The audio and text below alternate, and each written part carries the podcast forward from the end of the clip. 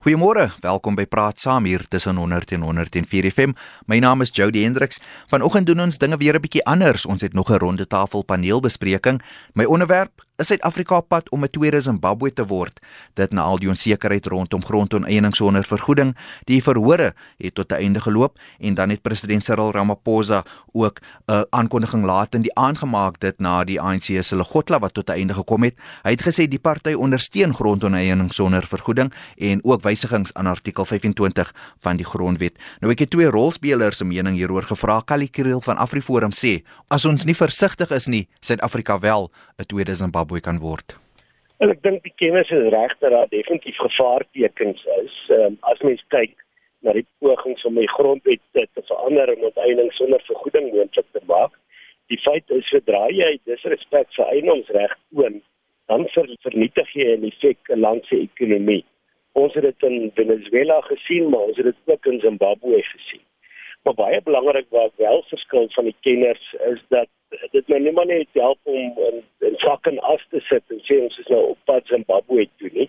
Daar's wel iets wat ons kan doen um, as ons ons sterk organiseer as burgerlike samelewing en allerlei moontlike aksies neem om druk te pas op die regering om afstand uh, te doen van hierdie pogings om eiendomsreg te skend. Um, Afriforum het baie saam met boere in Zimbabwe gewerk. Ons het hulle bygestaan in verskeie hofsaake. En die een ding wat hulle vir ons gesê het, ons hulle vra wat sou julle anders gedoen het as julle nou terugskouend uh, iets anders kon doen? En die antwoord was um, dat hulle sou gesorg het dat hulle baie sterker georganiseer was in 'n sterk burgerlike samelewing. En ek dink dit is miskien die groot verskil tussen Suid-Afrika en Zimbabwe. Ons het 'n sterk burgerlike samelewing. Ons het 'n baie sterk media. Ehm um, so um, ek is nie mismoedig nie mens moet nou natuurlik ook nie naïef wees nie. Ons moet sien daar is Zimbabwe-agtige gevaartekens. Um, maar ons moet die bilderie horings pak um, en sorg dat ons dat ons verhoed dat ons op daardie roete gaan en ek glo ons kan suksesvol wees om te verhoed dat ons in Zimbabwe roete loop. Die stem daarvan Kali Kriel uitvoerende hoof van AfriForum. Intussen sê Christo van der Rede, adjunk uitvoerende hoof by Agri SA, Suid-Afrika is nie op pad om 'n tweede Zimbabwe te word nie. Nee, ek dink nie ons is op pad na Zimbabwe toe nie. Waarheen ons wel op pad is, is om groter konflik tussen gemeenskappe te veroorsaak wat die potensiaal het om 'n volskaalse burgeroorlog te ontaard. Ons sien reeds hoe swart mense in Soweto in opstand kom teenoor ander swart mense wat grond beset.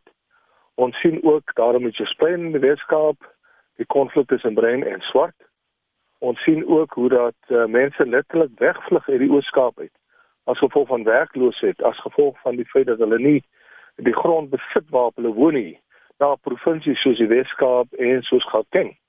En dan veroorsaak dit konflik want uh, jy kry dan 'n uh, eh, situasie waar mense dan jy weet grond wat naby woongebiede geleë is beset. 'n Ander groot uitdaging vir ons is uh, die uh, hantering van kommunale grond wat uh, jy weet uh, onder die beheer staan van die Zulu koning byvoorbeeld ook uh, die kommunale grond onder beheer van die Khoza konings en die stamhoofde.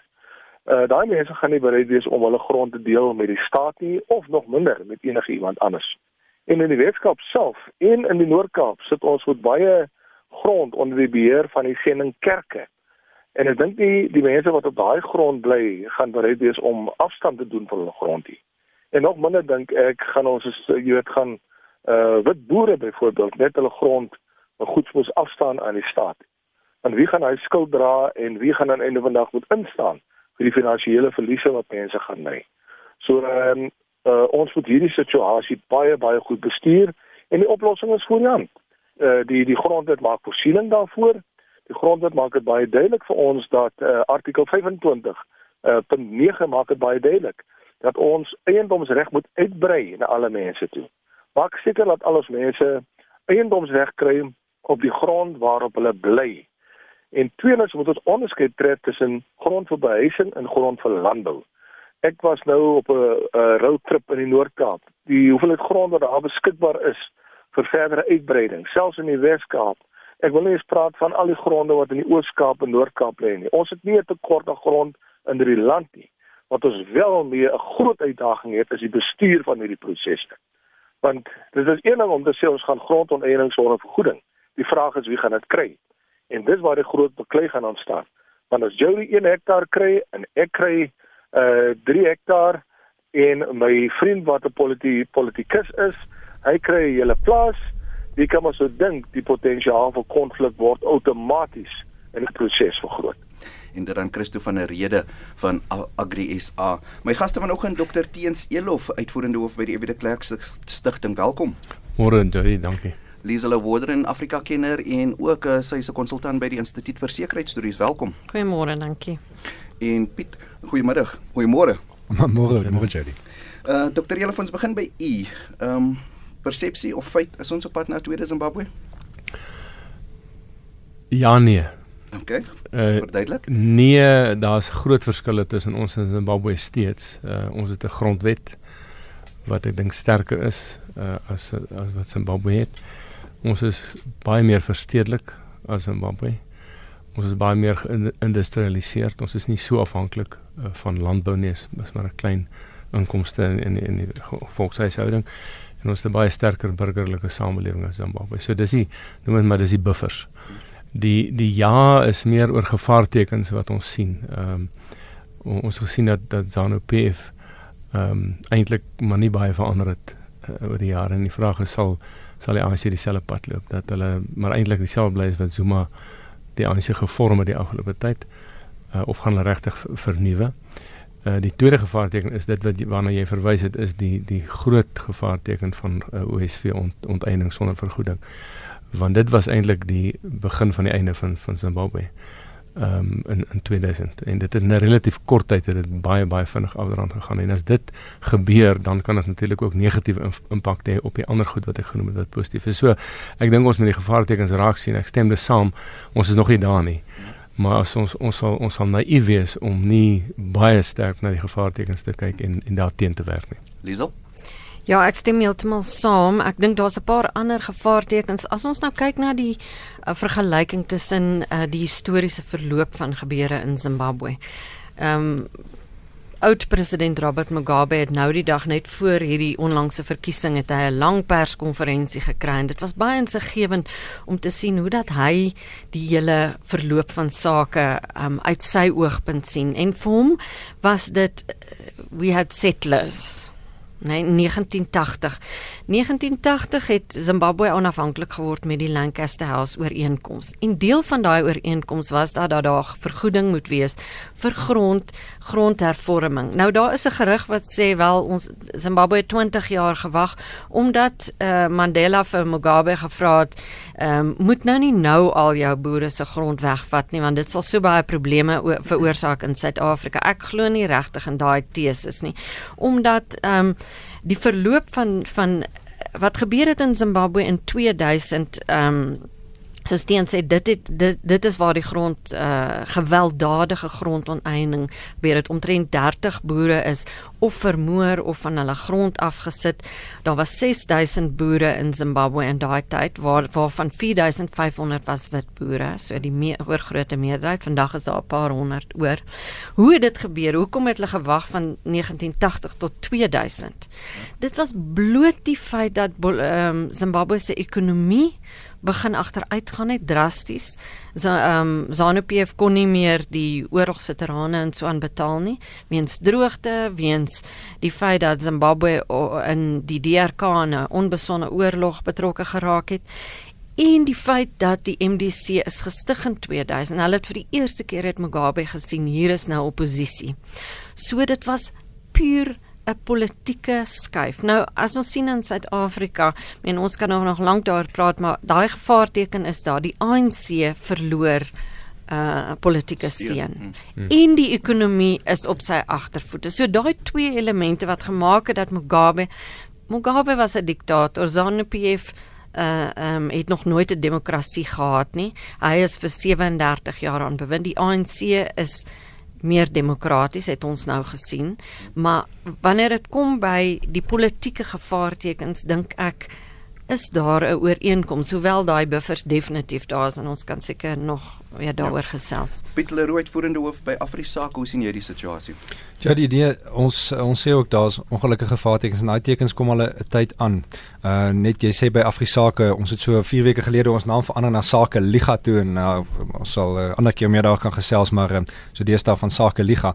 Maar uh Jody, die die gevaartekens is daar, né? En as ons kyk na wie wie wys ons deesdae daarop? Nou daar's as al lankal mense wat sê hier, hier kom 'n ding en hoekom sê mense ons is op die Zimbabwe pad van lankal af.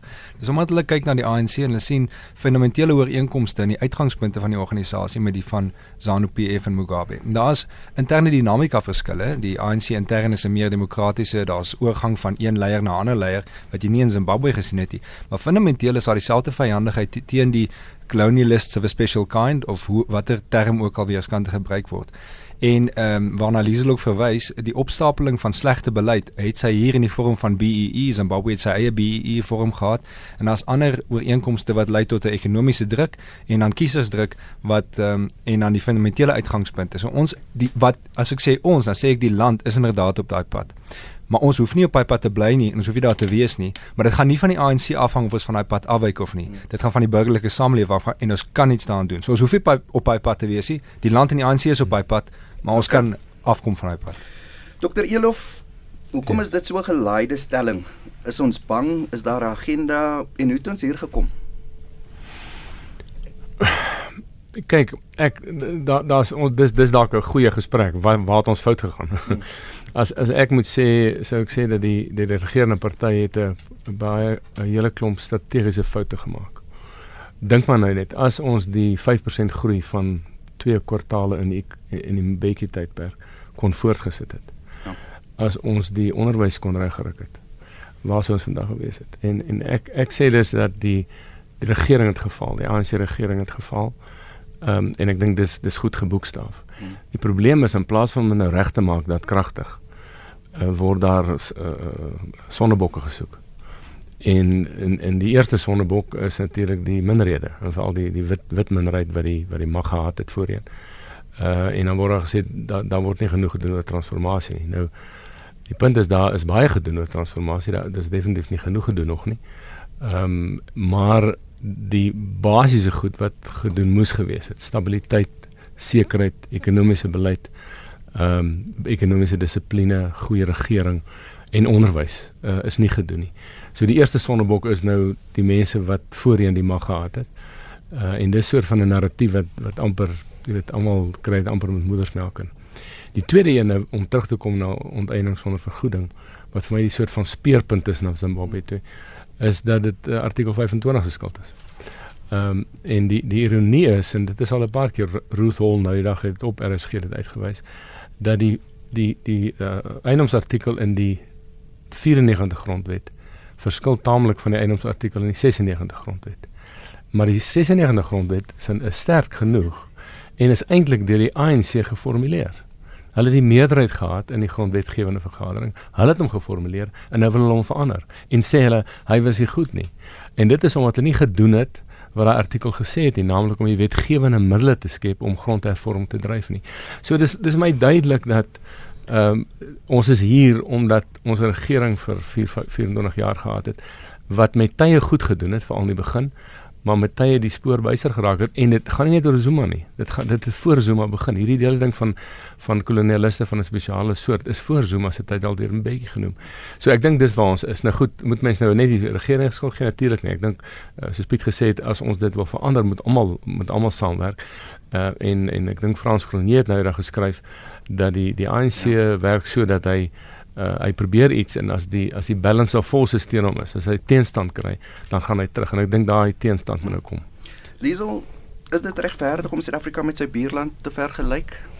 Ja, daar is regte groot verskille tussen Suid-Afrika en Zimbabwe. Weet as ons nou kyk na die geskiedenis en selfs net vandag, weet die selfs net die grootte van die bevolking. Ons het omtrent 15 miljoen mense in Zimbabwe. Daar was soos ek sê 1% van die bevolking was wit, uh, uh meestal boere. Ehm um, daar's 'n hele ander uh ehm um, opset gewees byvoorbeeld voor 1980 kan 'n mens sien daar was 'n werklike oorlog. Daar was die twee gemeenskappe het Eensmith en uh jy weet hulle was geharde anti-transformasie kan ek nou maar sê groep. Daar was daar was nie 'n gematigde middelgroep nie. Dit was 'n oorlog ehm um, waar daar groot slagoffers was Robert Mugabe en Mnangagwa en sy manne was daar in Mosambiek en hulle het oorlog gemaak. So ek sou sê die geskiedenis is baie anders. Jy weet ehm um, mens die enigste die die die definitiewe ooreenkoms is die feit dat daar was 'n groot ehm um, wit bevolking wat landbou uh jy weet uh um uitgevoer het. Die enigste ander voorbeeld wat ons het byvoorbeeld is Algerië. Uh in Noord-Afrika waar die Franse boere het uh jy weet daar um plase gehad en wou bly en dit was amper dis 'n baie interessante vergelyking wat nogal kompleks is.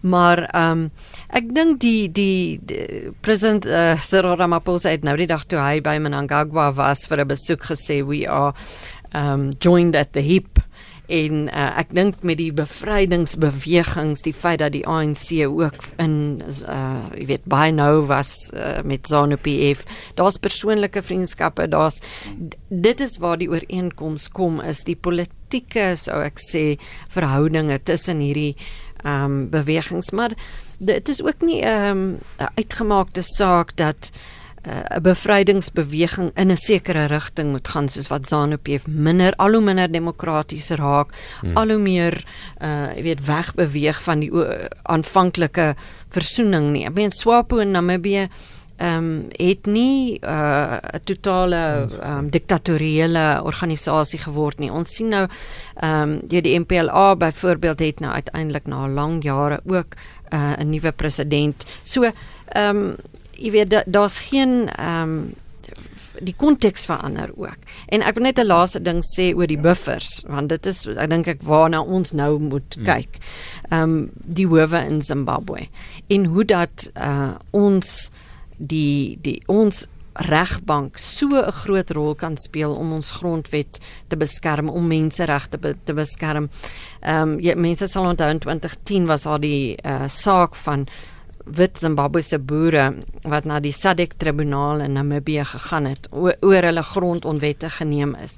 En Mugabe het toe met die samewerking van Jacob Zuma daarin geslaag om daai tribunaal heeltemal ehm um, van jy weet ons nie te maak maar daar is nou skuwe om dit om daai ehm um, tendens nou uh, uh onklaar te maak en dat die SADC tribunaal nou weer uh, op die grond kom en dit dit is 'n definitiewe moeite werd ehm um, skuif as ek nou moet. Jy luister na Praat saam 24 minute oor. Ag, jy kan van jou laat hoor op ons SMS lyn 45770. Dit kos jou net R1.50 die vraag. Is Suid-Afrika op pad na tweede Zimbabwe? Uh Piet, hoekom wek hierdie vraag soveel emosie? Jody baie hang daarvan af. Ons vrede en ons voorspoed en ons saambestaan en ons wederwysige erkenning en respek vir mekaar, ehm um, ons weet mense dink aan jou nageslag en as jy kyk na Zimbabwe dan is daar nie baie mense het alles verloor daar so. Dit dis dis waar dit gaan. Dis of ons vrede en voorspoed kan behou. Maar as jy teenoor verwys na die magsbalans en lees dan die verskille tussen Zimbabwe en Suid-Afrika.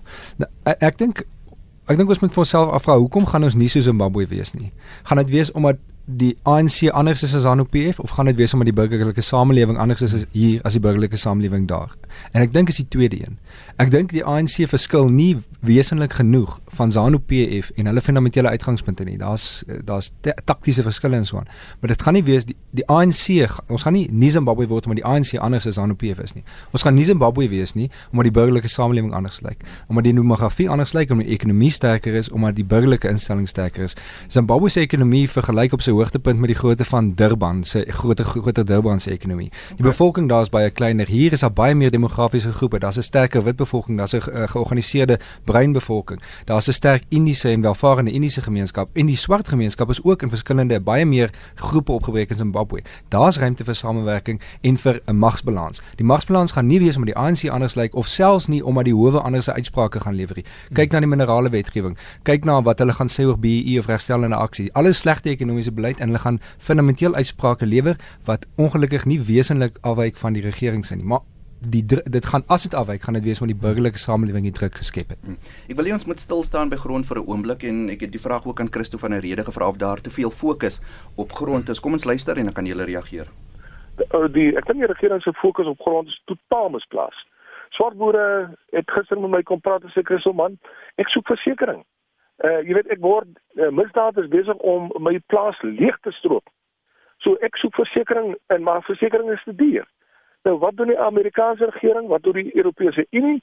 Hulle gee vir hulle boere subsidies vir al die wat ernstig boer uh, sodat hulle met daai subsidies bekostigbare versekerings kan bekom en ook jy weet in tye van droogtes in tye van uh jy weet enigiets anders uh, waar uh, weet wat hulle ekonomies kan benadeel staan die regering hulle by. En dit is wat die regering moet doen.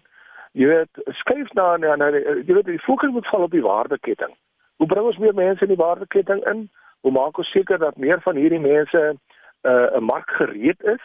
Want hoe wat gaan nie by jou kom koop as jou produkte nie op 'n bepaalde standaard is nie. En dit is goed waarmee ek myself besig hou en as die SA self mee besig hou. Kom ons bemagtig ons boere die wat kan boer en die wat wil boer.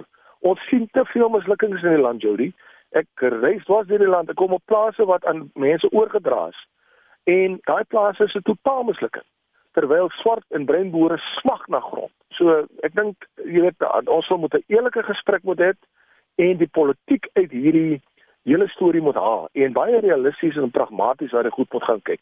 En sê maak landbougrond beskikbaar, sit die infrastruktuur neer, bring die mense in die waardeketting in, fokus op die faktore wat hulle ondermyn en hulle sukses ondermyn en spreek dit aan en kry die regte boere op die grond. En dan fokus jy op behuising. Ek dink meeste mense soek grond in stede, soek grond in dorpe. En daar's genoeg grond. Uh dis die volgende stap wat ons moet neem om seker te maak dat ons grond beskikbaar stel. En nou op vir mense huise bou. Gee hulle die grond, gee hulle die infrastruktuur en laat hulle hulle eie eie huise bou. Uh konstruksie is een van die grootste drywers van ekonomiese aktiwiteite. En dit kan 'n groot hoeveelheid, jy weet, ekonomiese aktiwiteite teweegbring en die ekonomie in die prosesse opsoek gee. En dan Christo van der Rede, ons het ook vroeër van hom gehoor. Piet, is daar nie te veel fokus op die grondkwessie nie? Ehm um, teens het vroeër daarna verwys dat hy sê dit is 'n klein faktor. Ja, die groot ehm um, elemente wat druk op die ekonomie veroorsaak is natuurlik net die grondonteiening nie. Die 'n opstapeling van goed, ehm um, swart ekonomiese bemagtiging, die implementering daarvan in die wetgewing soos dit nou is, het ook allerlei verwagtinge geskep en dit ook nie aan verwagtinge voldoen nie. En ook daar as jy gaan kyk na uitsprake en as jy na sosiale media kyk, grond speel 'n groot rol, maar ander goed soos ehm um, die die groter vraag is het uh, swart mense groot genoeg aandeel in die ekonomie en dis daai lyn wat dan op grond van toepassing gemaak word of op aandele van toepassing gemaak word word. So dit dit is 'n breë spektrum, maar nou moet ons onthou 34 klein vuurtjies is nou landwyd aangesteek deur hierdie uh hierdie verhore, openbare verhore wat gehou is. En daai 34 klein vuurtjies, weet ek nie of dit eers in die ANC se guns is en of dit in stabiliteit se guns is nie. Daai openbare verhore, ek het van hulle gaan bywoon.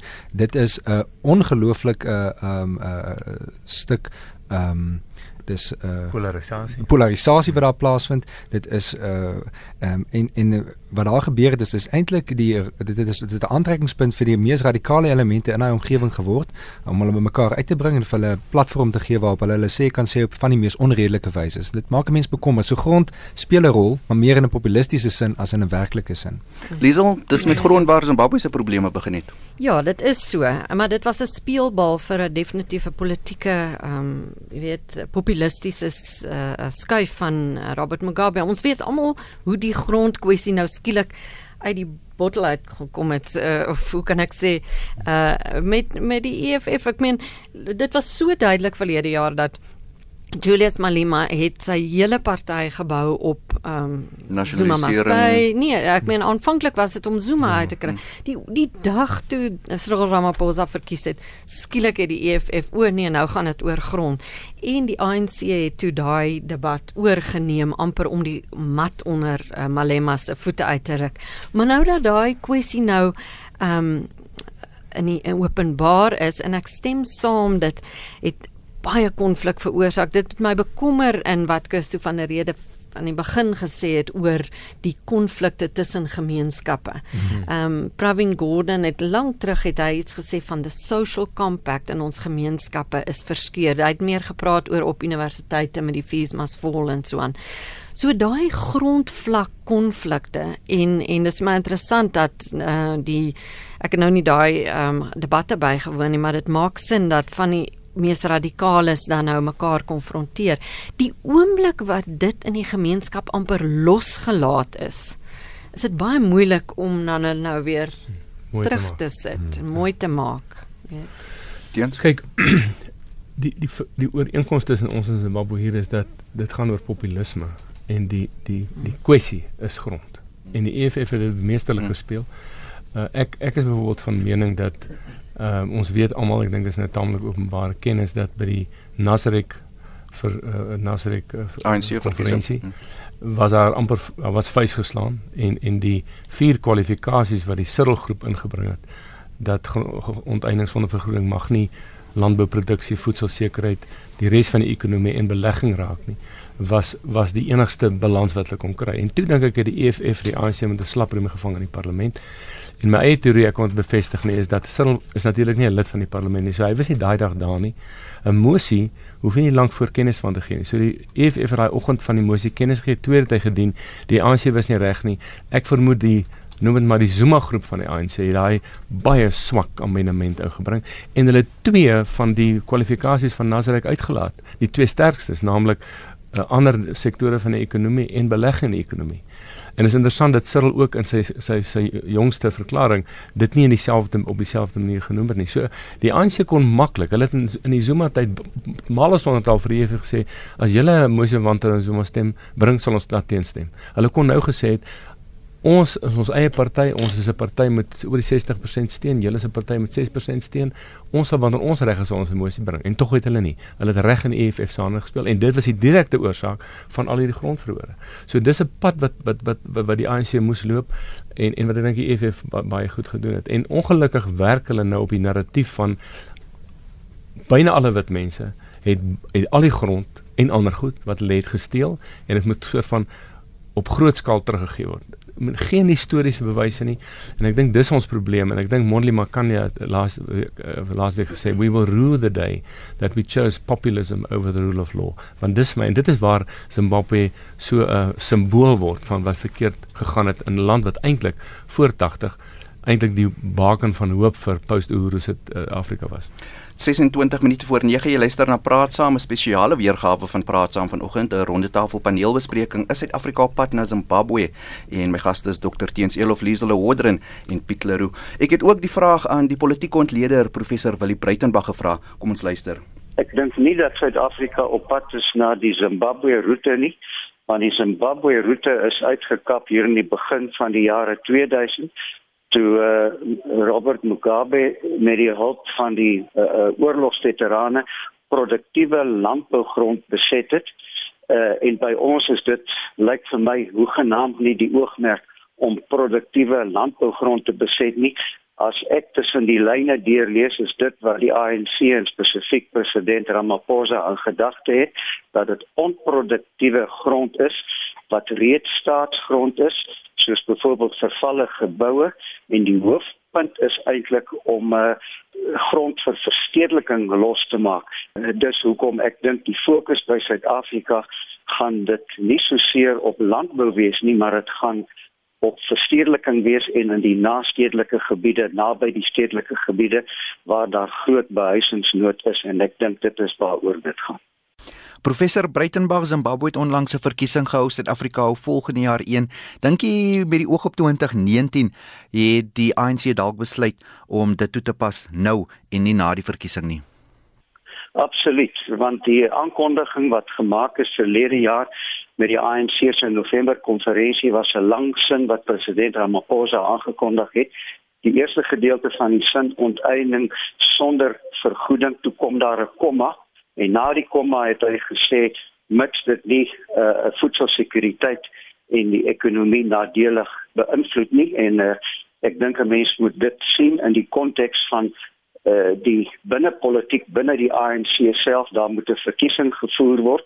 En ons weet dat die olifant in die slaapkamer is Jacob Zuma en sy ondersteuners wat die eerste gedeelte van daardie sin voor die komma wat ek nou net na verwys het ondersteun het en uh, Ramaphosa uh, duidelik het 'n plan vir na die komma en dit sluit uh, nie uh, produktiewe landbougrond in nie. Daarom moet 'n mens eintlik kyk na waar daar produktiewe onproduktiewe grond is onbenutte grond is party kan privaat besit wees, maar dit gaan hoofsaaklik bestaande staatsgronde wees en ook moontlik mislukte restituisieplase wees waarvan daar reeds uh, duisende aan swart mense oorgedra is sonder titelakte en uh, om daardie plase dan nou te uh, her uh, onteien gaan die regering niks kos nie want die regering het met die eerste ronde reeds daarvoor betaal. Professor Breitenberg, my laaste vraag, dink u Suid-Afrika die ANC is opgewasse om grondonteiening sonder vergoeding te doen en uh, veranderinge aan die grondwet te maak in 'n verantwoordelike manier wat op die langtermyn vir Suid-Afrika kan baat? Ja, ek uh, is seker presies uh, hoe om daai vraag te beantwoord nie. Ek het 'n gevoel wat wel gewysig sal word lyk dit vir my is die onteieningswet. Dit het niks met die restituisiewet te maak van 1994 nie. Met die onteieningswet en waarskynlik 'n wysiging in die bepalinge rondom artikel 25 maar waar eh, daar onteiening gaan plaasvind weer 'n keer nie produktiewe landbougrond nie sal dit wees in die openbare belang uh, soos wat in die wetgewing staan. En uh, ek dink ons kan nou uitsien na wanneer daar toetsake kom, daar word gepraat van 139 toetsake en ek dink dan sal ons presies sien hoe die wind waai en ek is feitelik seker dit gaan soos ek net nou gesê, nie produktiewe landbougrond insluit nie, dit gaan onproduktiewe grond digby naby die stede wees wat reeds in staatseiendom is of wat vervalle geboue is wat in onbruik geraak het. Professor Willie Breitenberg, grondonteiening sonder vergoeding teens heel of komma. Wat gebeur na die komma? Kyk, ek het baie respek vir professor Breitenberg en vir sy insigte, maar ek dink wat hy daar vir ons beskryf is is 'n wenslysie van die beste wat kan gebeur. En sover het ons in ons land die afgelope tyd nie die beste gesien gebeur nie. Ehm uh, met ander woorde ons moet kyk soos wat ons almal gesê het na die ook die er, die ergste wat kan gebeur en daarom ek stem saam die beste wat kan gebeur is dat hulle na vervalle grond kyk en daai tipe van goeders maar die oomblik as jy daai daai hek oopgemaak het en veral as die howe se oorsig oor wat is presies in uh, on, on, ongebruikte grond. As jy dit oopgemaak het, dan is dit wat oor 4 en 5 en 10 jaar gaan gebeur en dit is ook wat in Zimbabwe gebeur het. So ek ek dink die mense moet eers daai hek oopmaak nie. Ehm uh, as artikel 25 ver, ver, ver, vervang word om OSV onteieningsfonds moontlik te maak, is hy genie ook uit die bottel uit. Liesel Ja, ek sou saamstem. Ek dink ehm um, die feit dat Zimbabwe gebeur het, jy weet soos ehm um, professor Breitmag gesê het rondom voedselsekuriteit en so aan, moet tog 'n impak hê, ehm um, waarskynlik 'n positiewe impak op 'n gevaarteken, die rooi ligte gaan aan sodat ons kan die grondhervorming wat in Suid-Afrika sal gebeur en in ehm um, waarskynlik moet gebeur dat dit op 'n op 'n baie meer ehm um, bestuurde manier uh, gebeur en dat die land se ekonomie nie in mekaar stort nie. Piet Ja, die ons het as sakeliga juis uh, gister eergister 'n aansoek by die departement ingedien om toegang te kry tot die lys van wat daai 139 plase is. Hooplik weet ons binnekort meer daarvan. Maar ek is ook soos teens bekommerd dat eerstens die beginsel word prys gegee en tweedens ehm um, selfs al sou dit onproduktiewe grond wees. Wat is onproduktiewe grond? Wat is jy weet dis sê maar daar's 'n stuk oop area langs eh, 'n uh, metropool. Dis nie onproduktief nie, dis iemand sin. Dis iemand wat dit as 'n belegging het. Dis soos om te sê die geld in my spaarrekening is onproduktief. Ehm um, so dis dis deel van die mark en as jy op daai vlak in die mark op spaarprodukte en op ehm um, spekulatiewe elemente ingryp, die res van die sluise gaan maar oopgaan. Ek wil ons fokus bietjie skuif na die internasionale gemeenskap en Liesel in die vroeë 2000 selfs in die laat 90s die internasionale gemeenskap, die internasionale media baie uitgesproke oor wat in Zimbabwe gebeur het. Ek sit met 'n artikel van die Wall Street Journal hier voor my. Die opskrif is South Africa slide. President Ramaphosa tries the Zimbabwe way. Ehm um, dink jy die internasionale gemeenskap neem kennis van wat op die oomblik in Suid-Afrika aan die gang is, die internasionale ehm um, media? Ja, ek dink so. Ek dink miskien is dit tyd dat ons minder kennis neem omdat sulke soort van hoofopskrifte regtig nou net sensasie aanblaas en daar's dikwels uh, gebrek aan regtig diepgaande kennis. Ek meen die die die daai hoofopskrif, ek het gesien wat die joernalis uh wat die korrespondente hier in Suid-Afrika gesê het, dit is ver weg, sê dit nie geskryf nie. Ek weet dit daar's baie keer baie belange wat um, ons onderskat. Wat betref Zimbabwe, definitief het die Britte veral 'n groot rol gespeel en ook Suid-Afrika het was maar en SADC was maar gedurig betrokke by ehm um, wat aangaan. En ek as ek as 'n mens nou moet wonder oor hoe dit Suid-Afrika sou affekteer, so ek nie dink daar is werklik in die internasionale ge gemeenskap enige aptyd om op 'n baie indringende manier betrokke te raak by Suid-Afrika soos wat hulle was in Zimbabwe om te sê mm. nee doen dit moenie dit doen nie. Waarskynlik die betrokkenheid van die internasionale gemeenskap wat ons sal sien is meer ehm um, multi ehm um, multinasjonale korporasies, die sakewêreld, die die belange wat dan nou in gedrang sou kom as daar nou grootskaalse ehm um, geweld of ehm um, konfiskering van grond is en ehm um, die uh, die rule of law in Suid-Afrika word dan nou uh, daar is vergrype.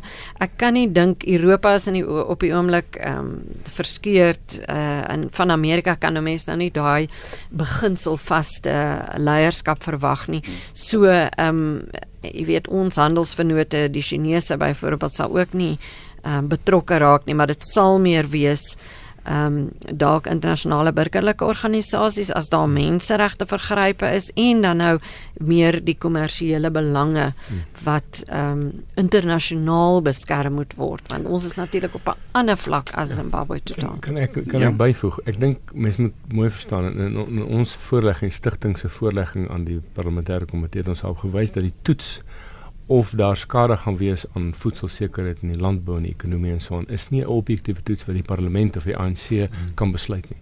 Dis 'n subjektiewe toets. Die ouens wat dit gaan besluit is die grondeienaars, die sakemense, die boere. Hulle gaan besluit hmm. is hierdie ding skade en as hulle dit besluit, dan verkoop hulle, dan loop hmm. hulle. So ek dink ons moet ons moet weet ek ek stem saam met Liesel ek dink nie daar gaan verskillike intervensies kom of ingrype kom nie. Ja. Die ouens gaan net loop. Ja. Hulle gaan net sê, jy weet hulle gaan vir Cyril sê ons gee vir jou 'n koppie tee en 'n vriendelike handdruk en ons gaan nie vir jou belegging gee nie. Want my belegging is nie veilig nie. Ek dink as as mens dit kan tuisbring by die hmm. by die by die denkers in die ANC want dit is nie iets wat wat met met wit monopolie kapitaal te doen het nie dit is hmm. internasionale handel is internasionale ja. belegging ek dink ook moet ons weet daar's word baie keer gekla dat die plaaslike besighede belê nie Maar hoekom sal hulle belê? Daar's nie ekonomiese uh, sekerheid oor sekere beleid nie. Die beleid is al moeiliker om om toe te pas. En nou kom hierdie uh, ding van grond by. So ek punt is kapitaal is vloeibaar. Ja. Kapitaal sal gaan waar dit 'n plek vind. En ek wil net vir jou 'n vraag vra daarop hmm. teens in. Ons het onlangs die BRICS beraad hier in Suid-Afrika gehad waar hmm. die, ek dink die lande saam verteenwoordig amper 'n vyfde van die wêreld se ekonomie. Hmm. En nie een van daardie leiers, Putin, die president van China uh, en almal daai mense het nie een keer iets gesê oor oneindig sonder vergoeding nie. Ek dink dis maar ehm um, dis maar 'n bietjie beleefdheid. Dis iets wat nog aan die gang is want hulle weet dis dis nog nie 'n besluit geneem nie, maar as die besluit geneem is sal hulle nie so sê nie. Ek dink nie hulle sal nie. Hulle sal net nie belê nie. Uh en hulle en en die so, groot saakorganisasie sal net nie belê nie. En die ekonomie gaan net laer en laer en laer in 'n spiraal afgaan. Ek dink en ek dink dis wat baie mense nie verstaan nie, veral die politici. Hulle dink jy kan 'n besluit neem, dit sal nie skade hê nie. Dis nie hulle besluit nie. Piet, Australië het wel kennis geneem. Ja, die buitelandse media en uh, buitelandse regerings en buitelandse beleggers is soos Suid-Afrikaans, soos soos die binnelandse beleggers besig om die ANC af te gradeer tot rommelstatus. En dan kan mense nou staatsskuld kan nou nog uh, een of ander gradering hê. Die punt is in die openbare mening is presies wat teen sê. Die ANC kan nie besluit ons gaan nie afgegradeer word nie. Hierdie opskrifte wat mense internasionaal sien en hierdie was Monli Makanya skryf en selfs Adrian Basson nou al skryf uh, hy kan nie meer sê dis nie Zimbabwe nie. Dan beteken dit die ANC word deur die media afgegradeer tot rommelstatus. Nou wat wat moet ons nou doen? Moet ons nou immigreer of finansiëel immigreer? En ek dink uh uh, dit daar's verskillende antwoorde hierop, maar dit ons hoef nie die, ons is nie nou binnekort in Zimbabwe nie. Dinge gebeur gelukkig stadiger as wat mense dink en eers later vinniger. En wat mense intussen kan doen is mense kan probeer om jou onderneming en jou huishouding en jou finansiële opset staatsbestand te maak. Jy moet sê is wat ook is is ek gediversifiseer teen politieke risiko. En dan kan ek hier bly en dan kan ek hier verskil maak, maar ek moenie blootgestel wees aan Cyril se volgende besluit nie. My finansiële opset en my persoonlike opset moet sterker wees as 'n ANC besluit. O, ja, ek het 'n vraag sê jy, die mense moet ook nie dink dat omdat ons nou teen OSV is, teen 'n verandering van artikel 25 grondhervorming moet agterweë bly nie. Uh, ek dink daar's baie organisasies wat bitter gekant is teen verandering, maar wat sê dit moet gebeur. Die huidige artikel 25 sê dit moet gebeur en die regering moet begin om hulle werk te doen. Hoe kry ons daai balans want ons het 24 jaar gehad om om die grondkwessie aan te spreek? Wel, ek dink dit het dis 'n groter debat want ek dink die kapasiteit, een van die goed wat die wat die uh, Motlanthe kommissie se paneel uh, gesê het is dat die probleem met met gebrek aan vordering is politieke wil, korrupsie en kapasiteit. En jy gaan daai kapasiteit nie oornag bou nie, maar ek dink daar kan die private sektor en veral dan die landbouorganisasies maar ook stedelike organisasies ook uh, NGO's soos die Vryheids Vryheidsmarkstigting kan groot rolle speel om byvoorbeeld stedelike grond beskikbaar te maak. Ek dink plaaslike owerhede kan dit kan dit doen. Hulle hoef nie vir iets te wag daarvoor nie. So ek dink daai daai rol want daar is daar is swart mense wat nie uh, eiendomsreg het nie. Hulle moet dit kry. So ons moet albei doen. Dit is nou 14 minute voor 9. Liesel, kom ons kyk gaan terug na die politiek. En ons het gesien Robert Mugabe het die weermag, die sekuriteitspolisie gebruik om aan bewind te bly en ons sien nog nie enige tekens hiervan in Suid-Afrika nie. Ja, ek dink ek het hierdie week geskryf kan enigiemand die naam van die weermag hoof in Suid-Afrika noem en eh, ek dink nie daar's baie mense wat kan nie en dis 'n baie goeie teken. Die weermag is definitief ehm um, baie betrokke in politiek in baie plekke in Afrika, jy weet. So ons het ehm um, ons het 'n weermag nodig wat republikeins is soos hulle sê in Franssprekende Afrika wat ehm um, aan die kant van die burgers staan en om die land se veiligheid en sy grense te beskerm, nie om die regering teen sy eie burgers te beskerm nie. Maar ek wil net iets sê oor ehm um, die hele kwessie van staatsbestand te maak. Ehm um, dit maar laat my baie ongemaklik voel dink ek. Ehm um, wanneer ons praat hmm. juis van gemeenskappe en ehm um, die sosiale uitmekaar val en en daai uh, dreigende kan ek sê op grondvlak uh, konflikte. Ehm um, ek dink met die geskiedenis wat Suid-Afrika het, die die kan Suid-Afrikaners en wit Suid-Afrikaners nie vergeet van die verlede en net sê o, okay, ek gaan nou op my plek die staatsbestand wees, dan moet jy nou maar in Orania ook gaan bly en staatsbestand wees. Ons moet ehm um, luister na wat 'n jong generasie in Suid-Afrika sê, daai frustrasie dat 25 jaar na uh die einde van apartheid het my ma waar ek sê nou die jong swart studente wat sê my ma het nog steeds nie lopende water sy moet 'n toilet deel met 100 ander mense. Jy weet, daai basiese menslikheid wat ons nie moet vergeet nie. Ek verstaan dat dit belangrik is om jou beleggings te beskerm, maar as ons nou die groter prentjie kry, kyk die ehm um, die menslike aspek van ons as 'n 'n land wat moet voor saam vooruit beweeg. Hm. dan dink ek nie kan 'n mens um in isolasie bly en sê hm. goed al wat vir my tel is is my um om my belegging te beskerm nie. Dis maar net die die die probleem ek ek stem saam maar ek verskil ook. Die probleem is wie se skuld is dit dat daai student se ma nie meer loop in water het nie? Ja. Dit word die minderhede se skuld gemaak en dit is nie die minderhede se skuld ek stem saam mens kan nie selfsugtig weet wat dis wat bedoel dit nie Maar ek dink dit is wel waar dat gemeenskappe en veral dan kom ons noem dit maar minderheidsgemeenskappe moet begin besef as hulle nie saam staan nie. Ek praat nie van 'n oranje nie. Ek praat van om saam te werk, uh, saam doele te te, te verwesenlik. Plaaslike dink maar op plaaslike owerheidsvlak.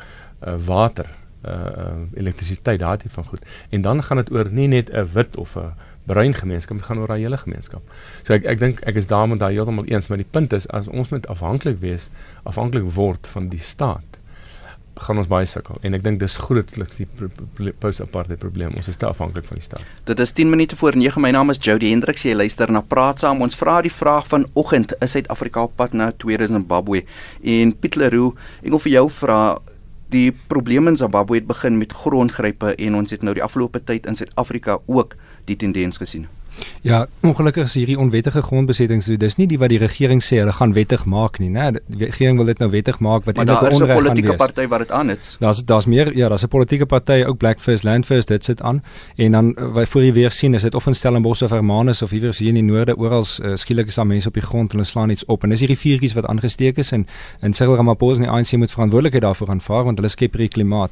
Uh so net wat ons byvoorbeeld doen om ons lede te help by Sake Liga is uh, ons ons help hulle met goedkoop regskoste want jy moet 'n dringende intrede kry, jy moet die mense afkry en jy moet keer dat dit die die die die, die reël word. En as jy dit op een plek doen, miskien om by Liesel aan te sluit, as jy dit op jou plaas doen, dan stabiliseer jy die hele omgewing. As jy dit toelaat op jou plaas, dan destabiliseer jy die omgewing. So dis vanweë dis vanweë as daar een rede is hoekom ons staatsbestand moet word, dan is dit vanweë ons menslikheid.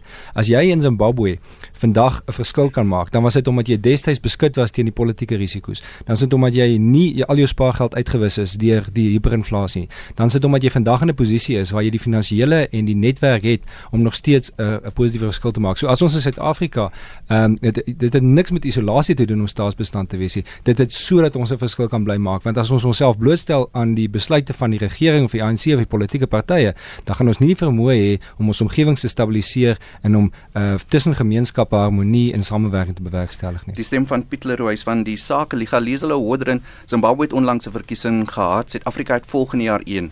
Hoe moet hulle die politieke partye dit benader? Ja, ek dink as ons 'n vrye en regverdige verkiesings kan hê waar almal saamstem oor die uitslag, sal dit 'n uh, definitief 'n groot verskil wees uh, met wat in Zimbabwe gebeur het, omdat daar is die speelveld glad nie gelyk nie. Daar's geen vrye, onafhanklike elektroniese media byvoorbeeld nie. Uh die manier hoe die kiesafdelings getrek is, ek meen daar's 'n uh, absolute hemelsbreë verskil tussen die manier hoe dat verkiesings in Zimbabwe afloop en in Suid-Afrika. Ons onafhanklike verkiesingskommissie is die enigste een op die kontinent van Afrika dink ek wat nog nie daarvan beskuldig is dat hy partydig is nie. Ek hoop nie dit gaan binnekort gebeur nie. Seker inkompetent, maar is partydig. ons ja. ek hoop dit dit jy weet dit gaan so voort. Met die aanloop tot die verkiesing, die wat se gevaartekens vir jou?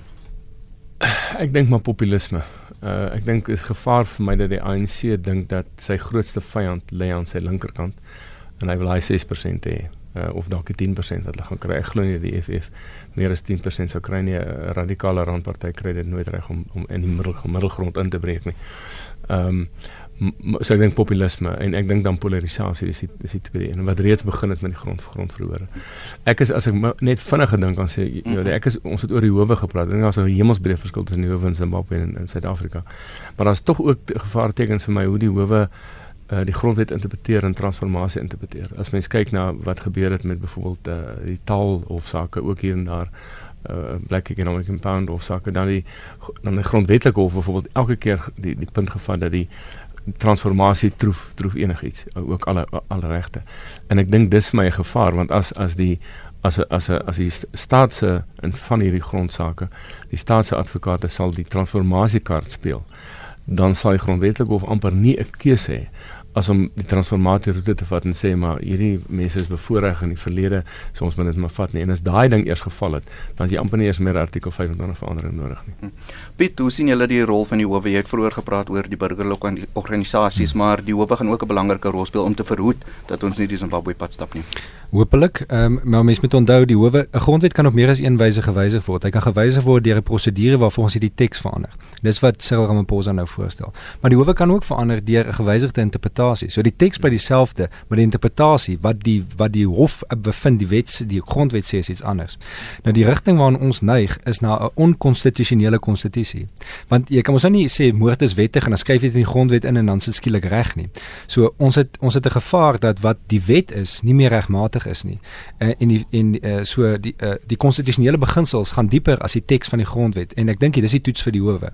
Gaan hulle aan fundamenteel konstitusionele beginsels van 'n konstitusionele samelewing getrou bly of nie? En ek dink dis waar dis waar ons hulle moet meet. So of by interpretasie of by tekswysiging uh, moet ons vra bly die hof getrou aan dieper liggende MP van Wyklose se dieper reg dalk konstitusionele beginsels. Liesel Lady Howe in Zimbabwe die mense daar geval destyds?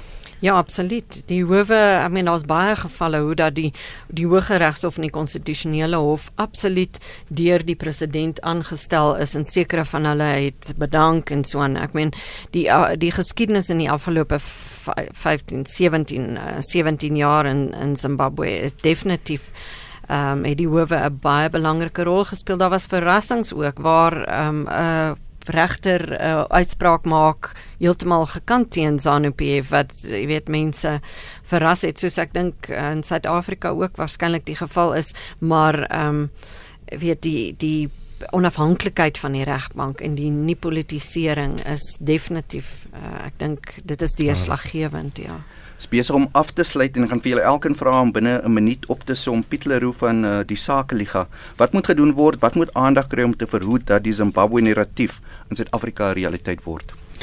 Die burgerlike samelewing moet sterk staan. Jy moet soek vir geleenthede om in te skakel in jou gemeenskap plaaslik op nasionale vlak en ek dink 'n mens moet staatsbestand word, nie om te isoleer nie, maar sodat jy in 'n posisie bly om jou burgerlike verantwoordelikheid na te kom om die plek om jou beter te maak. Liesel Ja, ek dink anders as in Zimbabwe as daar 'n uh georganiseerde, goed bestuurde uh grondhervorming is en dit lyk met die gesprekke wat ons nou op die oomblik aan die gang het, lyk dit asof dit is nie net een diktator wat grond gryp en mense word doodgeskiet uh om daai grond in die hande te kry nie. So om te verhoed dat Zimbabwe gebeur, moet hierdie georganiseerde gesprekke gevoer word en dan die buffers soos 'n onafhanklike media baie belangrik is dink ek moet ons soos goud uh, bewaar in in Suid-Afrika. Dr Teens Elof uitvoerende hoof van die Ewige Klerk Stichting, wat moet gedoen word? Jody, ek is ek is normaalweg 'n baie positiewe ou mens. Partykeer sê ek is naïef. Uh, in hierdie opsig is ek nou by die punt waar ek meer gevaartekens raak sien en ek sal dus liewer in hierdie in hierdie sin Zimbabwe en onteiening sonder vergoeding 'n bang en 'n versigtige Jan wees as 'n dooie en 'n verslaande Jan later. Ehm um, ek bedoel daarmee nie dat mense onpatrioties moet wees nie. Ek, ek dink nie ek wil mense ontmoedig om beleggings te doen nie, maar ek dink ons moet op hierdie gevare wys, uh, nasionaal en en en plaaslik, ag nasionaal en internasionaal. En dan in laaste instansie, daar is wettige probleme. Daar's daar's redelikerwys mense wat eiendomsreg nodig het, wat nie onderwys het nie, wat nie veiligheid het nie. Ek dink ons moet as Suid-Afrikaners en as minderhede moet ons inskakel en help om daai probleme op te los, want anders gaan dit nooit weggaan nie. En dit was dan ons gesprek vanoggend is Suid-Afrika op pad na 'n tweede Zimbabwe en die SMS lyn wat hier amper ontplof het vanoggend en dan dankie aan my gaste Piet Leroux van die Sakeliga. Wanneer het julle die naam verander het jy gesê? So 4 weke gelede Jody is nuwe fase nuwe naam. Ons is nogal opgewonde daaroor. Liesel Hodren is 'n Afrika kenner en ook 'n navorser by die Instituut vir Sekuriteitsstudies. Baie dankie en dan ook Dr Teens Elof uitvoerende hoof by die Ewige Klerk se ging sterkte met julle werk. Baie dankie.